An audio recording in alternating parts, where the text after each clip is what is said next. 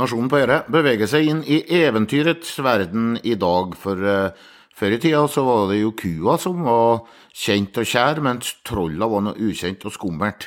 I NRK så er det omvendt. De serverer eventyret om beistene på Husevåg øy. Tore Ødelien i Kinn sier de er store og tunge, og de kan drepe deg på et blunk. Ja, biler gjør slikt. Det er bare to måneder siden tre personer døde i en bilulykke i Kinn på fv. 5 øst for Florø. I Norge døde 116 personer i trafikken i 2022. Per 5. november i år er tallet 111. Men det er ikke biler Tore Ødelien advarer mot. Det er Mamma Mø. La du merke til hva jeg gjorde nå? Beskrev arten Bos taurus med et lada navn. Dageros er snill, vi takker henne for melka i barnesangene og lager tegneserier om henne. NRK lader med skarpt i sin omtale av arten. Sitat, beist som går fritt rundt og gjør naboene livredde, sitat slutt, melder NRK Vestland torsdag morgen. 50 personer med tilknytning til øya, hva nå det er, har reagert. Det handler om de 30 dyra til Gjert Kåre Solheim. Skotsk høylandsfe er godt egnet til Vestlands kystklima og holder Husevågøy åpent der de beiter året rundt, naturlig avgrensa som de er. Det betyr også at du kan støte på dem om du ferdes på bilvei og i terrenget. NRK kjøper klagernes påstander som fakta, og fastslår at høylandsfe er til skrekk og sjenanse. Bondens påstand om at dyra er snille, fremstilles som en påstand. Storfe kan angripe folk. Jeg ble angrepet sjøl en gang. Det hadde jeg meg sjøl å takke for. Kua hadde kalv, og jeg har gått i timevis bak dem fordi det var slankehelg på utmarksbeite. Da jeg gjorde et utfall mot kalven for å få den til å gå litt fortere, kom kua. Heldigvis for meg kom den i motbakke. Gjert Kåre Solheim forteller at naboene skremmer dyra hans, at dyr påkjøres med vilje, kastes stein på, blir jaga. At naboene gjør det de kan for å få dyra vekk.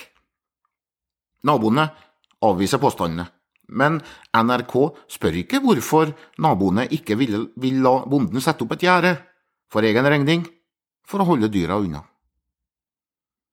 I et forsøk på å skape falsk balanse spør NRK om dyra er farlige, eller om frykten naboene føler er ubegrunna. Det er som å si er det godt vær, eller er det dårlig vær? Hva om NRK hadde stukket hodet ut av det vestlandske hyttevinduet og gjort litt research? Trolla på Hedarskogen var så stor at hodene på dem var jevnhøye med furutoppene, vet vi. Oksene på Husvågøy, de er digre, de òg, advarer NRK. Virkelighetens høylandsfe er blant de aller minste storferasene vi kan møte på. De har godt lynne, men en litt sky natur og vil ofte holde litt avstand, skriver Grete Ringdal i Animalia i en fagartikkel på Agropub. Signaturen Stril skriver på Bedre gardsbedrift. Har ikke hatt noen mer trivelige dyr. Noen av dem kunne du bare ta tak i hornet og leie. NRKs krøttereventyr viser i all sin ubehjelpelighet hvorfor konfliktene rundt beiterett kan vokse. Fordi det er nye problemer. Mange av dem fantes ikke da regelverket for beiting ble vedtatt for 60-70 år siden. Og Siden den gang så har folk flytta, ikke bare fra det dyreholdet de vokste opp i, men fra steder som Husevåg.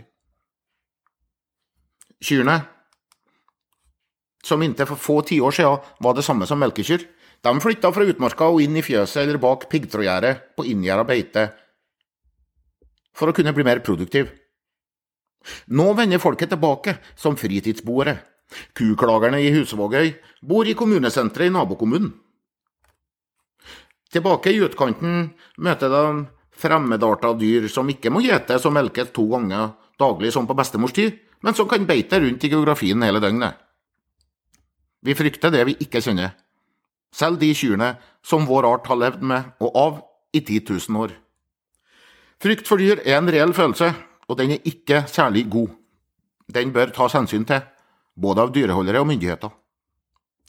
Men spørsmålet på Husevågøy og stadig flere steder, er om frykt skal kunne trumfe en av de eldste rettighetene vi har, retten til å beite landet, eller å gå fritt rundt, som NRK beskriver det, er nedfelt i Magnus Lagabøtes landslov, som feirer 750 år neste år.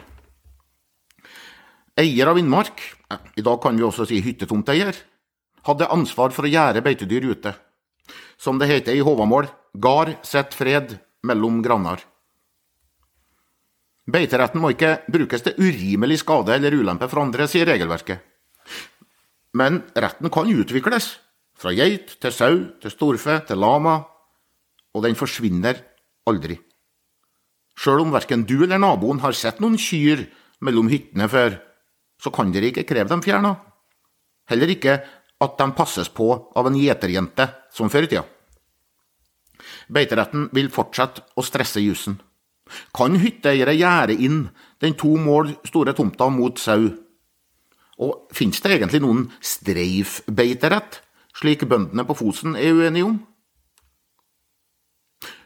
Bonden på Husevågøy sier vi kan ikke ta ansvar for at folk ikke er vant med dyr.